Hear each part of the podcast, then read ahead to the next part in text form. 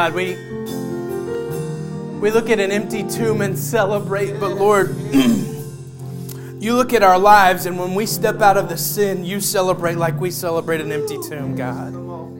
We thank you. And your name is victory. Your name is victory, God. Undefeated.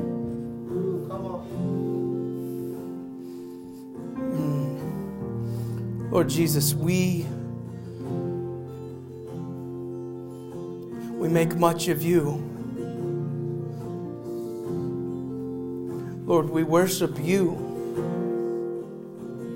Heavenly Father, we approach you under that banner of your Son. Holy Spirit, ignite in us a greater love for the Son.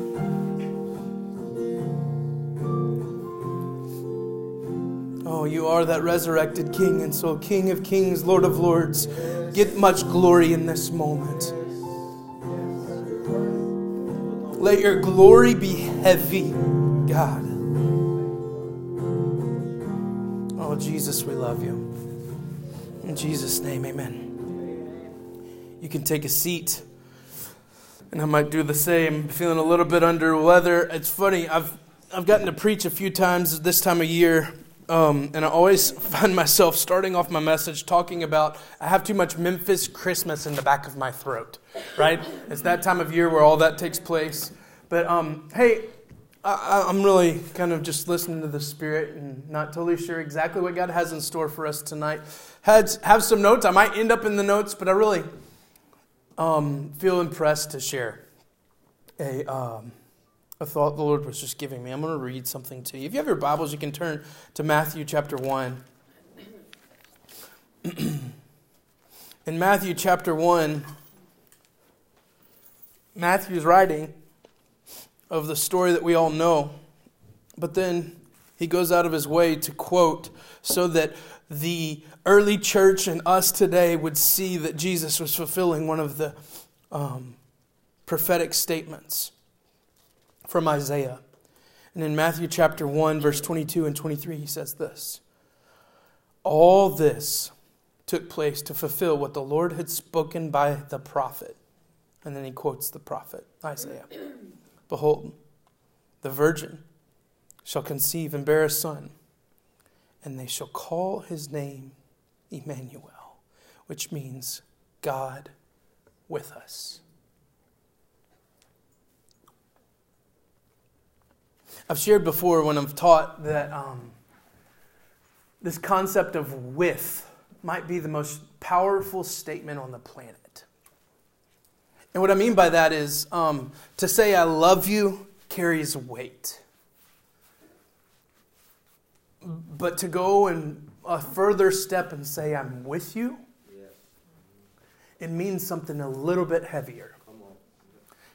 Um, and I find myself sharing that um, with friends when they're struggling. And I find the thing that lifts my spirit the most is when a friend comes to me and grabs me by the shoulders and says, I'm with you. Amen. And so in a not too much of a Ryan Mullins way, I feel like the Lord's kind of sharing something, so I'm going to sidetrack from my notes for a moment.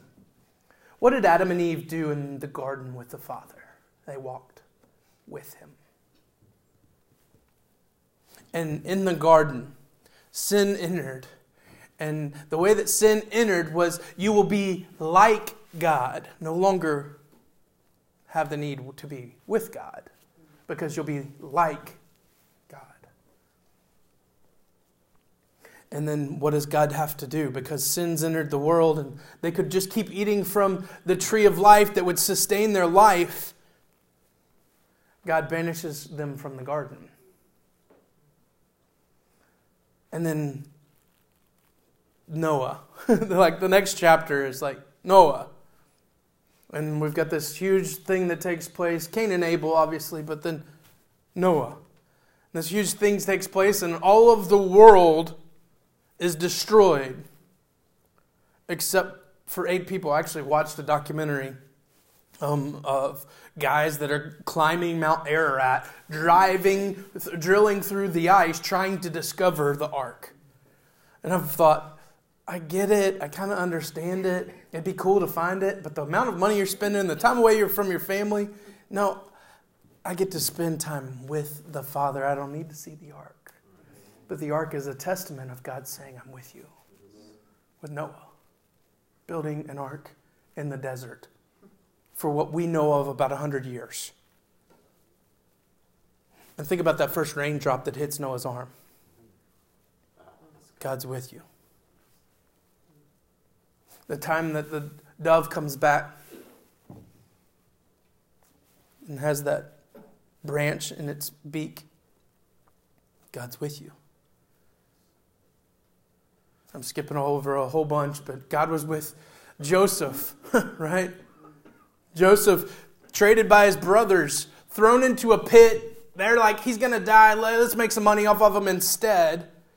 And you see this crazy story that God's drawing out just so that the nation of Israel would be sustained. Watch this.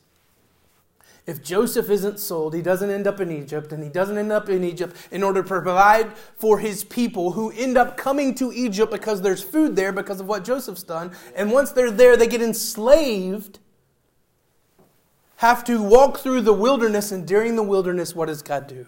Shows himself to his people and says, I will be your God, you will be my people. I'm with you.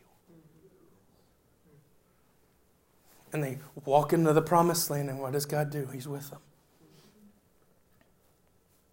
They walk around Jericho silent, not by their own strength. A warrior dressing out for seven days, coming back, sitting down at the table to talk to his son. Hey, Dad, what'd you do today? Just walked. What? If you go and read it, Joshua doesn't tell them how many days. God tells Joshua, how many days? But Joshua doesn't tell them how many days. Well, the famous pastor said, Don't stop on six. You got to keep marching because tomorrow might be day seven when God opens and crumbles everything to where you can walk right through. He's with us. Skip ahead even further Shadrach, Meshach, and Abednego. Tied up. The Bible says, so they've created this, uh, this incredible, opulent statue, and everybody's supposed to worship it. How did they create it? They created it by refining, and the refining fire is still there. So Nebuchadnezzar says, anybody who doesn't, we'll just use this thing. We'll throw you in it.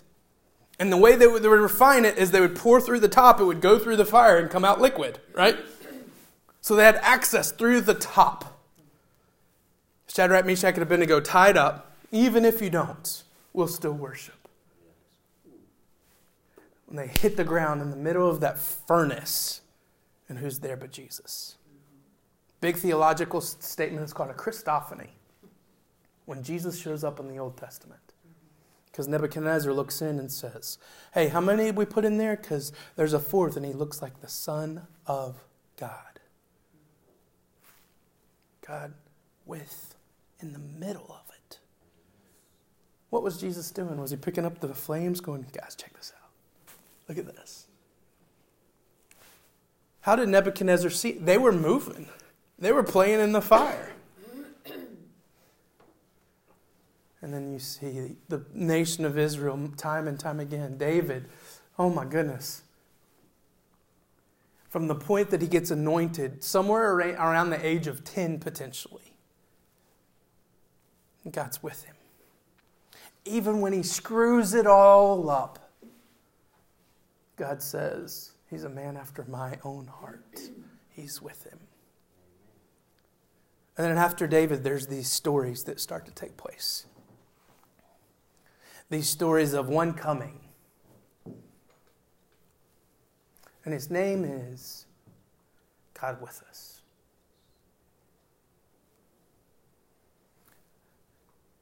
And we see.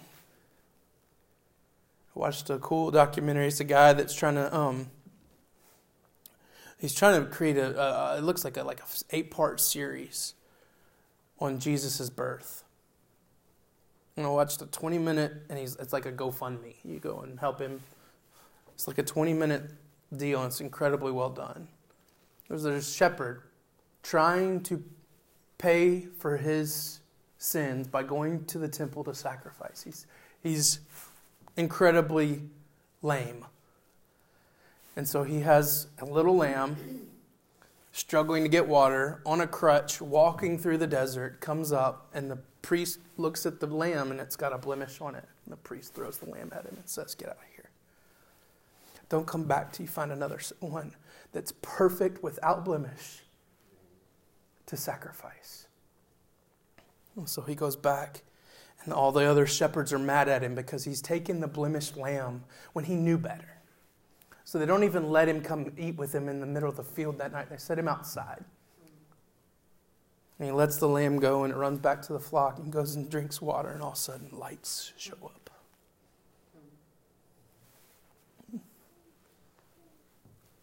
This incredible visual. The lights go out, and he's running.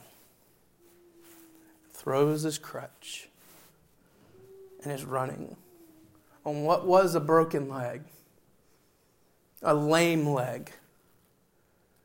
And he's running. And as he's running, they're reading the prophet Isaiah saying, He will set the captives free, the government be upon his shoulders. His wonderful counselor gives sight to the blind, speech to the mute, and helps the lame walk again.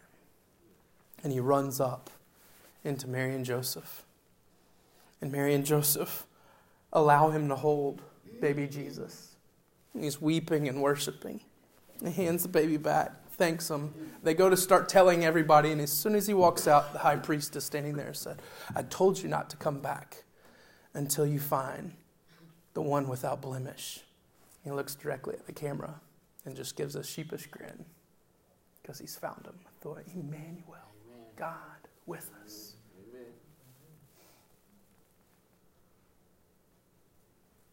Jesus touches the untouchable, sits with the ridiculous outcast. Those walking out of the strip clubs is the one Jesus is hanging out with. Those that that can't speak, he's making able to speak again. Those that can't breathe, he's bringing breath back again. Those that oppose him, he's interceding to the Father on their behalf, saying they don't know what they're doing.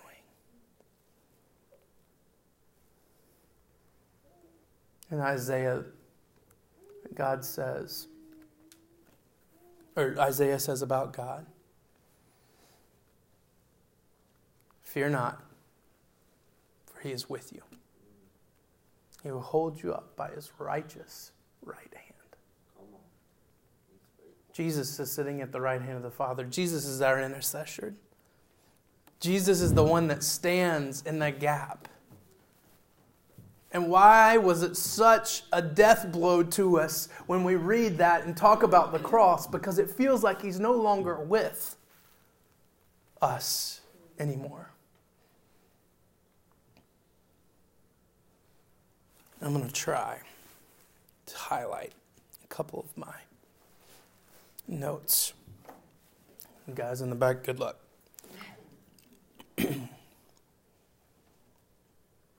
God is with us in order for us to discover who He is. So many times we get into a point in life where we ask, Where is God? You get low, struggling, maybe like that shepherd that I just shared with you, been sitting out, nobody wants him, he's, he's lame, he's trying to do the things that he's supposed to do, but the, even the priest won't allow him, even the religious, and we want to say, Where is God? Being with is not about location. Being with is not about location. Because, watch, the closest we have ever been with God, Mary comes to the tomb and says, Sir, where have you taken him? He is not here. for he's risen. We think it's about where he is. And really, it's just the discovery of who he is. When we discover who God is, we realize he has always been near. That Philippians passage that we, when we're in that Selah moment, is a passage that I, it wasn't one of those that I sat down in a super spiritual manner and like I'm going to memorize scripture. It wasn't that. It was I've used this passage so much, like trying to comfort people. Rejoice in the Lord always, and again I say rejoice. That's the statement that I don't like making because somebody that's sitting across from me usually wants to swing at me when I say rejoice, right? We don't like being around joyous people when we're struggling with something because it feels like we're not being heard. But watch. Rejoice in the Lord always. And again, I say rejoice. Let your gentle spirit be made known to all men. What is a gentle spirit? Another way to say a gentle spirit is a welcoming or a hospitable spirit when I'm struggling and I rejoice, I have to be open with all men. Watch. Very small sentence. The Lord is near. Rejoice in the Lord always, and again I say rejoice. Let your gentle spirit be made known to all men. The Lord is near. With prayer and supplication and thanksgiving, let your requests be made known to the Lord. And then the peace of God, which surpasses all comprehension, will guard your hearts and your minds in Christ Jesus. Finally, brothers, whatever is true, whatever is pure, whatever is right, whatever is lovely, whatever is excellent, anything worthy of praise, think on these things.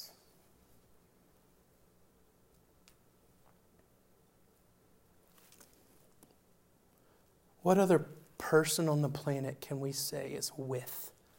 What other God can you say is near? When we approach God like a security blanket, asking the question, Where is God? I've said this to a couple friends, and maybe I'll get more emboldened as I get older and more angry. I don't know. But when friends say to me, Where, where is God? I, I've returned this back twice with friends. Where's God? Oh, did you lose him? Because God doesn't run away.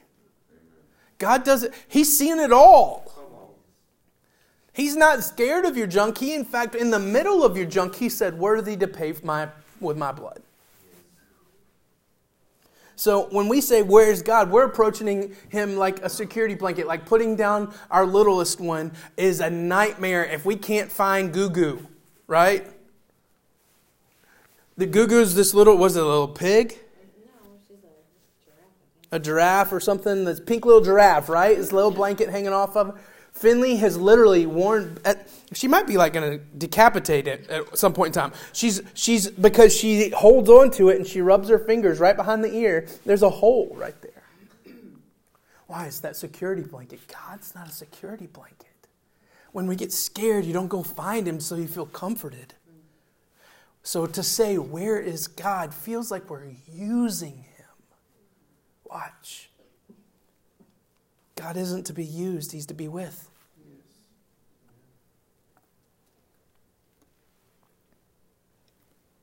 That's what Emmanuel means. Think about that. God being with us. When we discover who He is, we discover His design for us. If you want the recipe for the cold buster, it's incredible. Starbucks, uh, I'm not getting paid. I probably shouldn't say that. it clears your sinuses. In John 15, John 15, verse 4, it says this John 15, 4 Abide in me, and I in you. As the branch cannot bear fruit by itself unless it abides in the vine, neither can you unless you abide in me. I am the vine, you're the branches. Whoever abides in me and I in him, he it is that bears much fruit. For, uh, for apart from me, you can do nothing. He doesn't say, apart, me apart from you, I can do everything. No, because he's the with God. Verse 6 If anyone does not abide in me, he's thrown away like a branch that withers, and the branches that are gathered and thrown into the fire and burned. If you abide in me, and in my words abide in you, ask whatever you wish, and it'll be done for you. By this my Father is glorified that you bear much fruit, so that you prove that you're my disciples. As the Father has loved me, so I have loved you. Abide in my love. To abide is to be with. I love this. He's, he has given his very characteristic, his own characteristic of withness to us. He is a God who is with. And he says, if you abide in me and I abide in you, then you've got this love that's happening inside of you. But it's not a selfish love. Our witness is for someone else. Another way to say it, our greatest witness is our witness. If I were to come up to each of you, I know some of your stories. And then what you're going through right now, grab you by the shoulders and say, I'm with you. We might have the sob fest, right? But there's one greater that lives in me that has given me his characteristic. And so when I say I'm with you, it doesn't mean anything. I'm flaky. The, the, the, water gets hot, I'm out, right? But because of his very characteristic, it's my honor to be with you.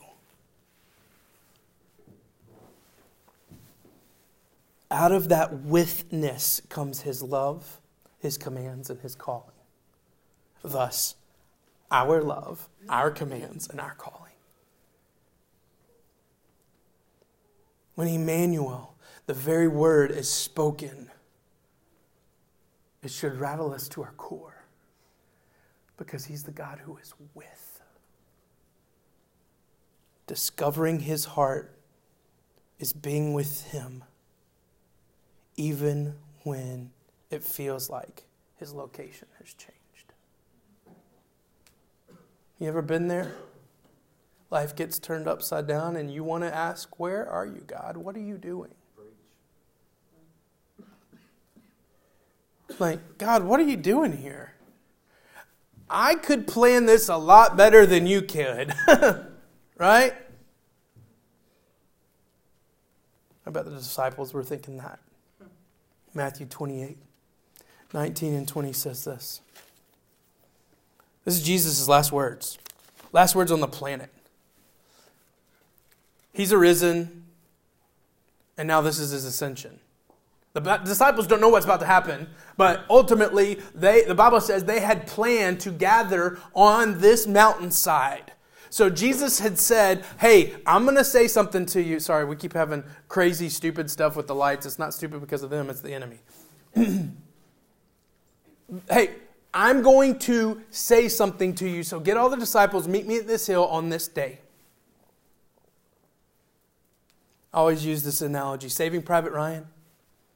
You haven't seen the movie? Sorry, it's a little past due. You should have seen it. Tom Hanks sacrifices he and his crew just to go save Private Ryan. They find him, and Private Ryan says, Nope, I got to stay here with my boys and finish out this last battle. I'm going to finish out this last battle. And when he says that, they're like, What are you doing? What are you talking about? No, we're going to finish out this. And Tom Hanks says, We'll finish, we'll fight with you. And ultimately, they're on this bridge, and Tom Hanks is trying to save Private Ryan and ultimately gets killed. Private Ryan's holding Tom Hanks' character in his lap, and Tom Hanks leans up and says, Do you like cotton candy? No, that's not what he said. Why? Those words mean so much. We cherish last words. And Tom Hanks says, Earn this, and dies. I just told you a really cool plot to a movie. This is real life. The creator of the universe, the God who is with us, comes to the planet, and the last thing he says in physical form on the earth is Go, therefore, make disciples of all nations, baptizing them in the name of the Father, Son, and Holy Spirit, teaching them to observe all that I've commanded you. And behold, you know it. I'm with you always, even till the end of the age. Isaiah started saying it 400 years before Christ was born. The angels declare, He's here, he's, it's happening. Then Jesus lives a life that is with. And the very last thing he says is, I'm with you. And I'm, I'm t- I, like, that's one of those things, like, let's go run through a wall. But then he leaves. Think about it. Did he lie? He just said, You're with us, and now he's gone. I'm with you guys. No. We would say that's not a good friend. In the heat of the battle, Jesus says, I'm with you, and then ascends into heaven. Watch.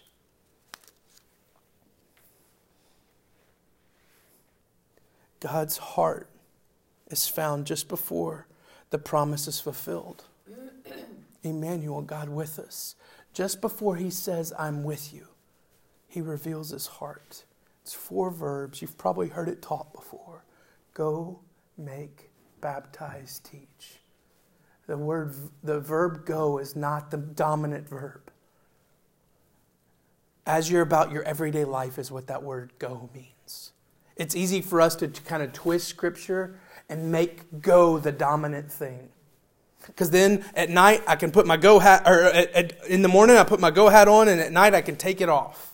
That's not what this verse says. It says, as you're breathing, as you're about your everyday life. Dominant verb, make. Made a cake and left the house? Nope.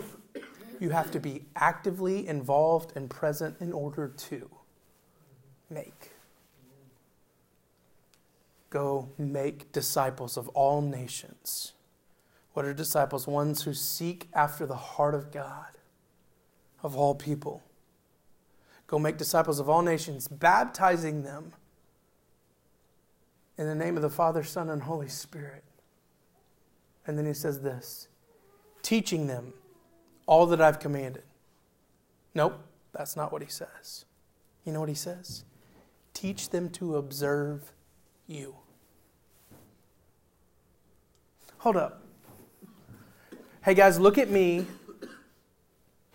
and not Jesus? No, that's not what he's saying. Emmanuel is a God who is with.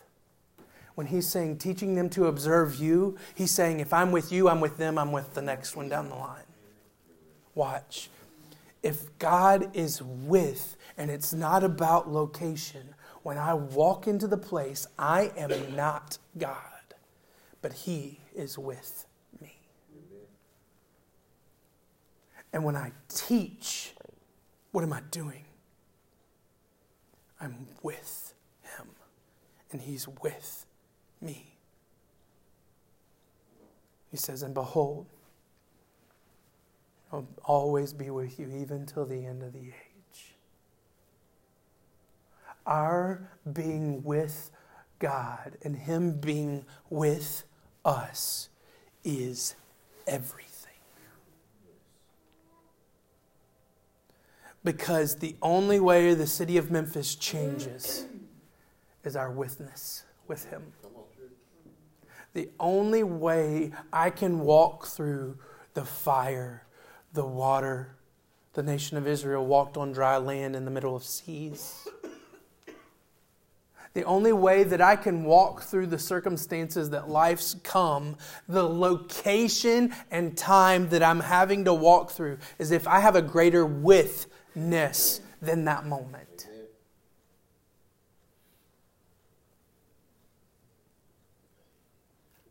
Hmm. Tonight's our last night at Ridgeway. I just thought, we're talking a lot about location, but location's not the point. To be a God, uh, He is a God who is with, and to be with a God who is with is what everything is about. I want to see revival and spiritual awakening take place, but I don't want to do it because that's His job. I want to be with Him when He does His job. People have been asking, what do we, what's the next step? What are we doing? What, what's the future? Someone asked me this past week, what's the five year plan? And this is, this is how I answered it. When I die, I don't want my son to talk about the things that I did. I want my son to talk about who I spent time with and how much I love the King of Kings.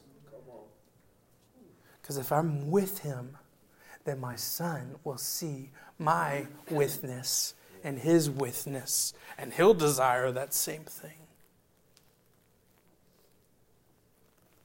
So, so how are we going to reach the city of Memphis? By being with the King of Kings. Strategy is the creator of the universe has placed you where you are. Not me. I couldn't do it better.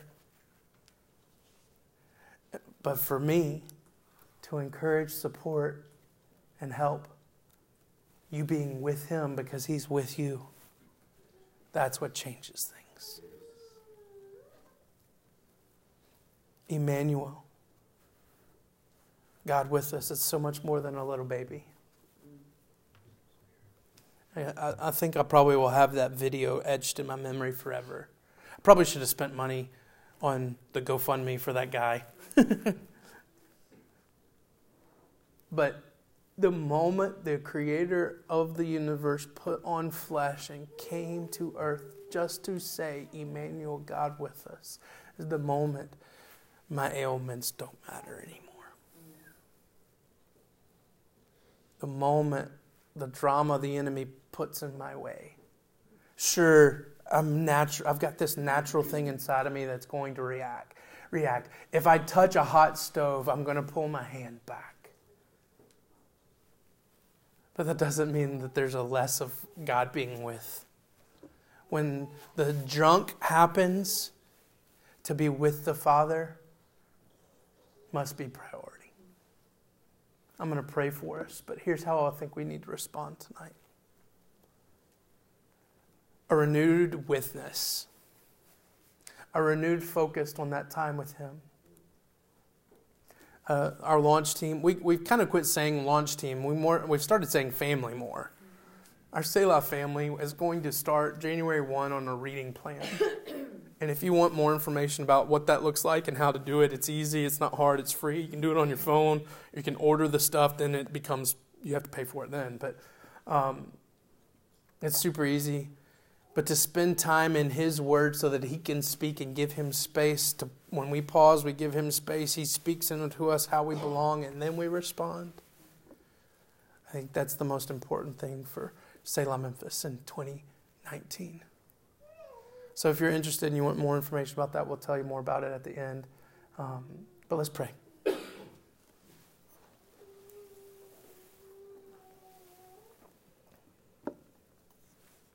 God.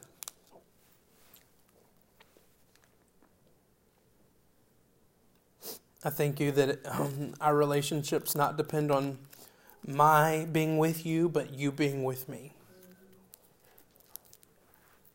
So, Lord, in front of family, I commit and confess that, Lord,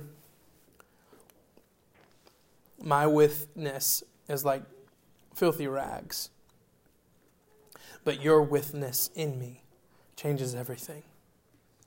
So, Emmanuel, be with us on a new, fresh way. For those in this room tonight that feel of away, that wonder where you are. Lord, I pray that right now, the God who is with us would set down in their hearts. And Lord, as we look to 2019 and ask what you're doing, Lord, I pray that this time next year, we, we will have been with you as much as possible. And God, we are so grateful for 2018 because you've so been with us. And Lord, I could say 2017 because you were with us then, and 2016 and you were with us. So, Lord, we look to 2019 and say, God who is with us, do farther than we can think, hope, or imagine. Lord, we lift our open hands to you and say, Do what you must, do what you will. In Jesus, we love you. In Jesus' name, amen. You can stand.